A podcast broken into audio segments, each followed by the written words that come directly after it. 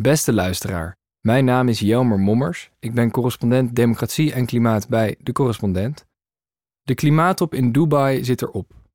Landen hebben op de 28e klimaattop de intentie uitgesproken om het gebruik van fossiele brandstoffen af te gaan bouwen. En het is de eerste keer dat zo'n afspraak in een klimaatakkoord is vastgelegd. Maar er zijn geen bindende afspraken gemaakt, omdat heel veel landen nog helemaal niet kunnen of willen stoppen met fossiele brandstoffen.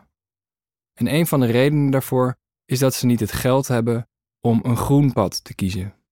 En daarover gaat het verhaal dat ik nu voor je ga lezen. Hoe noem je het tegenovergestelde van een fun fact? Hier komt er een. Wereldwijd verbranden mensen nu meer hout en mest om op te koken en om huizen mee te verwarmen dan in de 19e eeuw. Sad fact. Ondanks de razendsnelle opkomst van duurzame energie verbruikt de wereld nu meer vervuilende energiebronnen, meer steenkool, meer aardgas en meer olie dan 10, 20 of 30 jaar geleden. Vorig jaar was trouwens een recordjaar voor steenkool. En de vraag is natuurlijk hoe dat mogelijk is. Nou, dat komt door de groei van de wereldbevolking en de wereldeconomie. Het geboortecijfer gaat weliswaar al decennia omlaag, maar de wereldbevolking groeit nog wel en dat zal waarschijnlijk tot 2100 zo blijven. Mensen zijn bovendien steeds welvarender, waardoor ze meer energie verbruiken. Het gevolg is dat de wereld nieuwe, schone energiebronnen telkens bovenop oude, vieze energiebronnen stapelt. Energie is geen kwestie van of-of, maar en-en. Maar we leven op een bijzonder moment. Want de snelle opkomst van duurzame energie en elektrische auto's maakt een breuk met het verleden mogelijk. Op de klimaattop in de Verenigde Arabische Emiraten is het niet gelukt, ik zei het al, om bindende afspraken te maken over de uitfasering van fossiele brandstoffen. Toch is nu een toekomst denkbaar waarin zon, wind, waterkracht en andere duurzame energiebronnen zo snel groeien dat we het gebruik van fossiele brandstoffen tegelijkertijd kunnen afbouwen. Dat kan zelfs al in de komende 30 jaar. Maar daar is wel geld voor nodig. Heel veel geld. Om kans te maken op een beperkte opwarming van maximaal anderhalve graad, moeten de uitgaven aan schone energie, inclusief batterijen voor elektrische auto's, omhoog van 1,8 biljoen dit jaar naar 4,5 biljoen in 2030. Dat betekent dat alle landen de portemonnee moeten trekken. Maar de nood is niet overal even hoog. Europa bespaart bijvoorbeeld steeds meer energie en gebruikt steeds minder fossiele brandstoffen. Europeanen zijn dus al begonnen fossiel te vervangen door zon, wind en andere schone energiebronnen. In rijke landen hoeven de investeringen in schone energie daardoor slechts te verdubbelen. Voor ontwikkelende en opkomende economieën, zoals China, India en Indonesië, ligt het anders. In die landen is energie nog steeds een verhaal van louter toevoeging. Er komen nieuwe energiebronnen bij, maar niet in plaats van de oude fossiele bronnen. China is hiervan het beste voorbeeld. Dat land haalde vorig jaar 230 keer meer energie uit zon en wind dan 20 jaar geleden. Maar omdat de Chinese economie bleef groeien, vooral op basis van steenkool en olie, stootte China in 2022 toch 2,5 keer zoveel uit als in 2002. Dus duurzame energie groeide, maar de uitstoot ook. En het land is inmiddels goed voor 30% van alle uitstoot wereldwijd.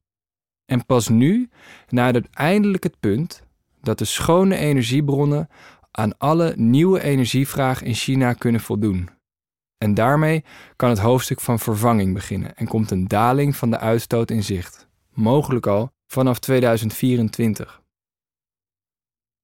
Dat is dus goed nieuws voor China, maar het slechte nieuws is dat veel andere landen nog niet op dat punt zijn aanbeland. In snel groeiende landen als Bangladesh, Pakistan, de Filipijnen en Maleisië leidt ieder beetje groei van de bevolking of de economie simpelweg tot meer uitstoot. En dat is een trend die voorlopig doorzet. Dat zie je bijvoorbeeld in India.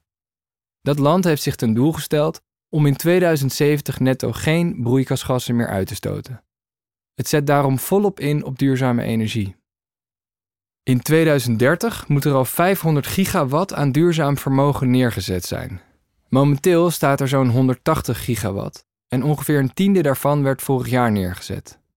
Er kwamen in 2022 meer zonnepanelen bij in India dan er in het hele Verenigd Koninkrijk te vinden zijn.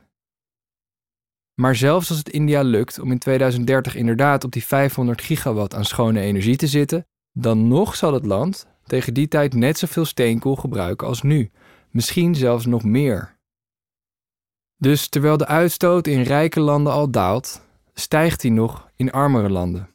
En dit speelt in alle ontwikkelende en opkomende economieën, behalve in China. In 2000 waren deze landen samen al goed voor 30% van alle nieuwe CO2 in de dampkring. In 2030 zullen zij jaarlijks meer dan de helft van al het nieuwe broeikasgas de lucht in pompen. Het zijn deze landen dus, en met name de opkomende economieën in Azië, die het meeste moeten investeren om een groener pad te kiezen. Over 20 jaar moeten ze volgens het Internationaal Energieagentschap zelfs zeven keer meer investeren dan nu. En het probleem is, je voelt het al aankomen, dat geld hebben ze niet. Rijke landen zullen moeten bijpinnen. Inderdaad, als we de opwarming willen stoppen, zullen we niet alleen meer geld moeten steken in onze eigen verduurzaming, maar ook in die van landen die het zelf niet kunnen opbrengen. Dat is geen liefdadigheid. Het gaat om investeringen die leiden tot minder klimaatschade, iets waar wij in Nederland ook profijt van hebben. En het zijn ook investeringen die lokaal leiden tot een betere volksgezondheid en lagere energiekosten. Een duurzaam energiesysteem is in gebruik namelijk goedkoper dan een fossiel energiesysteem. Maar waarom investeren arme landen er dan toch niet in? Nou, omdat de financiering ervan veel moeilijker is dan de financiering van het fossiele alternatief. Wie een zonneveld of een windmolenpark wil neerzetten, moet in één keer een flinke investering opbrengen en kan daarna vrijwel gratis stroom produceren, omdat zon en wind niks kosten. Maar om dezelfde hoeveelheid stroom te produceren met een kolen- of gascentrale, zijn de eenmalige investeringskosten vooraf lager. Anders gezegd, hoewel duurzame energie op lange termijn goedkoper is, kun je met een beperkt budget op korte termijn veel meer energie opwekken op de fossiele manier. Voor dezelfde geïnvesteerde dollar krijg je zelfs twee tot drie keer meer stroom uit gas en kolen dan uit een windpark op zee. Op korte termijn zijn investeringen zoals een offshore windmolenpark dus sowieso al relatief onaantrekkelijk. Maar het wordt nog erger, want bedrijven of staatsbedrijven die een project willen doen in ontwikkelende economieën betalen ook nog eens twee tot drie keer meer rente over hun leningen dan bedrijven in rijke landen. Het gevolg is dat ze veel meer moeten verdienen aan hun duurzame projecten, willen ze uit de kosten komen. Een reden hiervoor is dat investeerders meer risico's zien in arme landen, bijvoorbeeld vanwege politieke instabiliteit. Daardoor is het in ontwikkelende en opkomende economieën altijd al duurder om geld te lenen dan in rijke landen. De rente is de afgelopen jaren ook nog eens hard gestegen. Zelfs in rijke landen leidt dat al tot problemen bij de financiering van duurzame energieprojecten. In armere landen is dit probleem des te groter. Ondanks de prijsdalingen van zonnepanelen en windturbines is groen investeren daar de afgelopen jaren moeilijker geworden. En dus moet er geld bij. Het totale bedrag dat arme landen en opkomende markten, China uitgezonderd, nodig hebben voor een groene ontwikkeling is wel 2 tot 2,8 biljoen dollar per jaar in 2030. Er werd al in 2010 een pot in het leven geroepen om dit nodige geld te verzamelen het Groene Klimaatfonds van de Verenigde Naties. Rijke landen beloofden dat ze vanaf 2020 jaarlijks 100 miljard dollar zouden overboeken aan armere landen in het mondiale zuiden. Maar die belofte werd gebroken, want er zit pas dit jaar voor het eerst 100 miljard dollar in de pot. In aanloop van de klimaattop in Dubai hebben verschillende landen nieuwe bijdrage aan het VN-fonds toegezegd. Maar het gaat nog steeds om miljarden terwijl biljoenen nodig zijn. Ook het nieuwe Klimaatschadefonds, dat in Dubai werd opgericht, is nog veel te mager om de geleden schade in arme landen echt te dekken. En de enorme kloof die er is tussen de huidige en de nodige klimaatfinanciering wierp ook een schaduw over de klimaattop. Sommige ontwikkelende en opkomende economieën weigerden akkoord te gaan met bindende afspraken over de uitfasering van fossiele brandstoffen, zolang de klimaatbiljoenen ontbreken. Concrete afspraken over de toekomst van het Groene Klimaatfonds van de VN zijn ook vooruitgeschoven. Gelukkig zijn er wel andere initiatieven om meer geld naar het mondiale zuiden te krijgen. Want politici snappen heus wel dat er iets moet gebeuren. Zo zijn ook China en India begonnen te investeren in de groene ontwikkeling van armere landen. En zo is er meer. Leiders van de 19 rijkste landen en de EU, de zogenaamde Groep van 20 of G20, stelden Indonesië twee jaar geleden 20 miljard dollar in het vooruitzicht om duurzame energie versneld op te schalen en kolencentrales versneld uit te faseren. Dit transitiepakket zou een model worden voor andere landen. Vietnam tekende in december vorig jaar eenzelfde soort deal ter waarde van 15,5 miljard dollar. En Senegal sloot zo'n deal in juni. India wil er ook over onderhandelen. Maar in de praktijk komt er zelfs van dat eerste Indonesische pakket nog weinig terecht, omdat landen het maar niet eens worden over de details. En waarom landen dan niet meer doen? Omdat politieke mogelijkheden vaak gedicteerd worden door begrotingen. En omdat ook rijke landen in rap tempo tegen de grenzen van hun financiële mogelijkheden aanlopen. Dat is althans de verwachting van het Internationaal Monetair Fonds, het IMF, dat begin oktober waarschuwde dat de energietransitie onbetaalbare schulden met zich meedreigt te brengen. Dat komt behalve door de stijgende rente ook door de economische groei die de komende jaren achterblijft. Alle extra bestedingen van overheden aan de energietransitie zorgen daardoor voor extra schulden, met mogelijk als gevolg een 45% hogere staatsschuld in rijke landen. Wat binnen de EU niet helpt, is dat een aantal lidstaten, waaronder Nederland, zelf de broekriem strakker wil aantrekken, via de terugkeer van de strenge begrotingsnormen.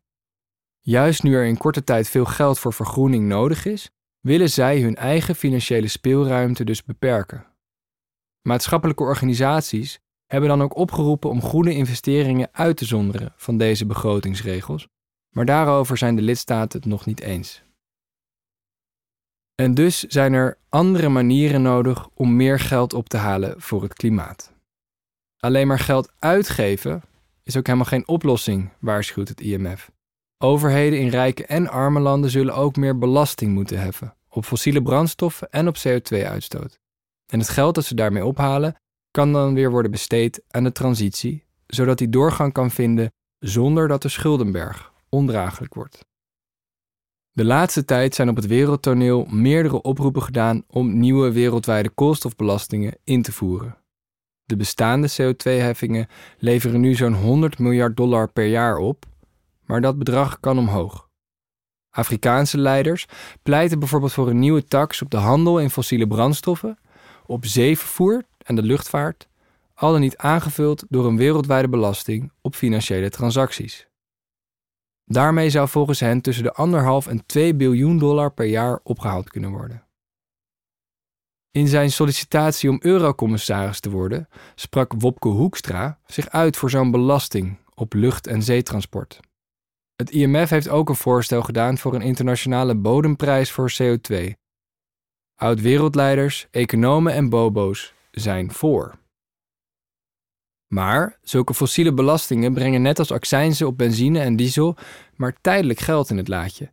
Als we geen fossiele energie meer gebruiken, levert een belasting op CO2 ook niets meer op. Toch is het handig om zulke CO2-belastingen nu in te voeren. Want de opbrengsten ervan komen wel op het cruciale moment, namelijk nu, in het decennium waarin we de transitie vooruit moeten betalen om er vervolgens de rest van de eeuw van te kunnen genieten. Fossiele belastingen maken de business case van duurzaam bovendien veel aantrekkelijker. Ze kunnen dus de neergang van kolen, olie en gas versnellen. En als landen het nalaten om nieuwe koolstofbelastingen te heffen, dan zullen ze, zo zegt het IMF, ofwel een onhoudbare schuldenberg voor zichzelf creëren, waardoor ze bankroet kunnen gaan, ofwel te weinig besteden om de klimaatdoelen te halen. Gezocht. Politici die nieuwe belastingen willen invoeren en alsnog verkozen worden. Maar zelfs als overheden het maximale doen en zelfs als ze die belastingen invoeren, dan nog hebben zij volgens het IMF te weinig geld, te weinig ruimte op hun begrotingen om de transitie volledig te financieren. De private sector zou volgens het IMF maar liefst 80 tot 90 procent van alle investeringen in duurzaamheid moeten opbrengen. En dat is nogal wat. Om de transitie te laten slagen, moeten vermogensbeheerders, pensioenfondsen, verzekeraars en commerciële banken hun geld dus massaal op groen zetten. En ze moeten dat ook nog eens vooral in ontwikkelende economieën doen. En dat is notoir moeilijk. Zelfs Larry Fink, de baas van 's werelds grootste vermogensbeheerder BlackRock, zei onlangs in een podcast plomp verloren dat hij geen idee heeft hoe hij de biljoenen uit zijn fonds op de juiste plekken in de groeiende economieën moet laten landen. Als het hierover gaat, zei hij, ben ik een alarmist.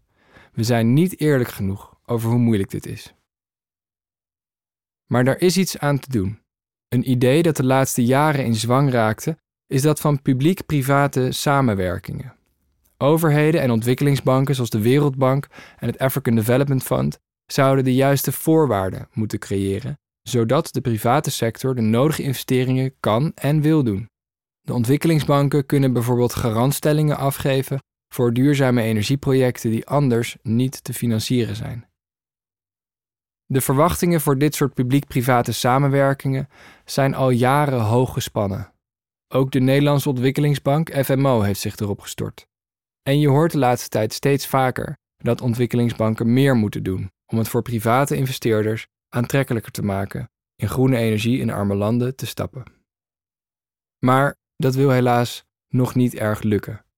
Private investeringen in ontwikkelende en opkomende economieën zijn de afgelopen jaren namelijk afgenomen. In de armste landen van Afrika ten zuiden van de Sahara komt zelfs bijna geen private klimaatfinanciering terecht, terwijl het geld daar het hardst nodig is. Het probleem voor financiële instellingen die wel willen investeren in ontwikkelende economieën is dat ze vaak heel weinig specifieke kennis hebben over de lokale situatie en dus vaak niet weten waar ze hun geld in moeten stoppen of wat daarvan de opbrengst in termen van geld of klimaat gaat zijn. Er zijn wel positieve uitzonderingen, zoals nieuwe specialistische fondsen, die wel goed zijn in groene investeringen in arme landen, maar die fondsen zijn nog klein.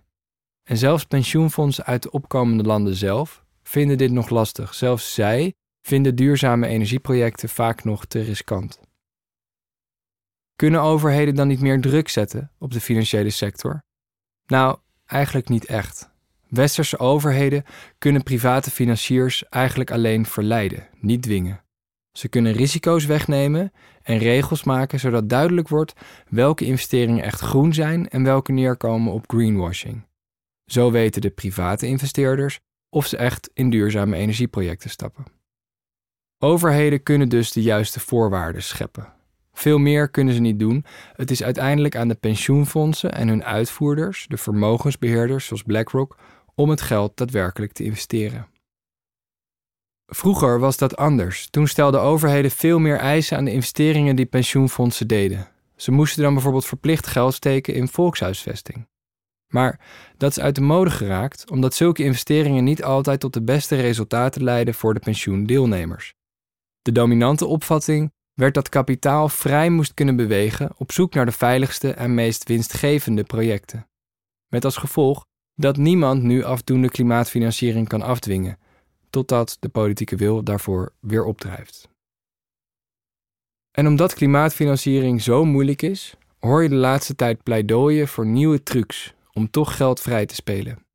Rijke landen zouden bijvoorbeeld hun IMF-reserves beschikbaar kunnen stellen aan ontwikkelingsbanken zoals de African Development Bank, die meer lokale know-how hebben en het geld effectiever kunnen besteden aan duurzame projecten. Aan de ontwikkelingsbanken en het IMF wordt ook gevraagd investeerders te beschermen tegen mogelijke verliezen door wisselkoersschommelingen. Er zijn ook pogingen om nieuwe markten op te zetten voor CO2-credits, die vrijwillig zouden kunnen worden aangekocht door private investeerders of bedrijven om verduurzaming in ontwikkelende economieën te ondersteunen. Maar tot nu toe heeft vrijwillige CO2-handel geen geweldig track record. De klimaatwinst ervan is namelijk systematisch overschat. En de vrees voor nieuwe CO2-zeebellen is op de klimaattop in Dubai ook al niet weggenomen, omdat regels voor CO2-credits daar nauwelijks zijn aangescherpt. Als dat in de toekomst wel lukt om die regels aan te scherpen, dan zouden centrale banken deze CO2-credits ook kunnen gaan inkopen. En dat zou ook helpen. Wat zou nog meer helpen? De schulden van arme landen kwijtschelden? Mia Motley, premier van Barbados, wil bijvoorbeeld dat schulden tijdelijk niet afgelost hoeven te worden na extreem weer, na klimaatrampen. En de Keniaanse president William Ruto roept op tot kwijtschelding van sommige schulden van Afrikaanse landen. Zoals hij zegt: If you don't solve the debt issue, you can't solve the climate issue. Maar een jubeljaar is nog niet in zicht. Dus klimaatfinanciering is een onderbelicht onderwerp en het is de sleutel voor een leefbare toekomst. Het is een probleem dat opgelost kan worden als de politieke wil er is. De vraag is hoe erg rijke landen het vinden dat armere landen voor fossiel blijven kiezen. En Nederland lijkt dat niet heel erg te vinden. Nederland staart vooral naar zijn navel. Het demissionaire kabinet kortte op ontwikkelingssamenwerking en geeft minder aan het Groene Klimaatfonds van de VN, die pot van 100 miljard, omdat de asielinstroom voor te hoge kosten zou zorgen. Rechtse partijen, die nu het initiatief hebben bij de formatie, willen over het algemeen minder besteden aan het buitenland. Maar dat is pennywise, pound foolish. Want je zou bestedingen aan klimaatfinanciering ook kunnen zien als een verzekeringspremie. Door eraan mee te betalen, dekken we ons in tegen toekomstige klimaatschade. Maar waar Nederlanders gemiddeld 3,4% van hun inkomen besteden aan verzekeringen, daar besteden we als land 0,03% van het BBP aan internationale klimaatfinanciering. 100 keer te weinig dus. Een nieuw kabinet zou er goed aan doen de internationale klimaatbestedingen op te voeren. Want hoe hoog je de dijken ook bouwt, als de aarde verder oververhit raakt, is ook Nederland de pineut, zelfs als we plaatselijk vergroenen. Als we zo doorgaan, bouwen rijke landen schone energiesystemen en halen ze misschien hun eigen klimaatdoelstellingen nog. Maar loopt de klimaatopwarming toch verder uit de hand, omdat andere landen niet genoeg geld hadden om een groen pad te kiezen. Sad fact. Dit verhaal heb je gratis kunnen luisteren, net als honderden andere audioverhalen van het afgelopen jaar. Maar het maken van dit soort verhalen is niet gratis. Ze worden mogelijk gemaakt door onze betalende leden. Ga daarom naar decorrespondent.nl en word lid. Want onafhankelijke journalistiek is afhankelijk van jou.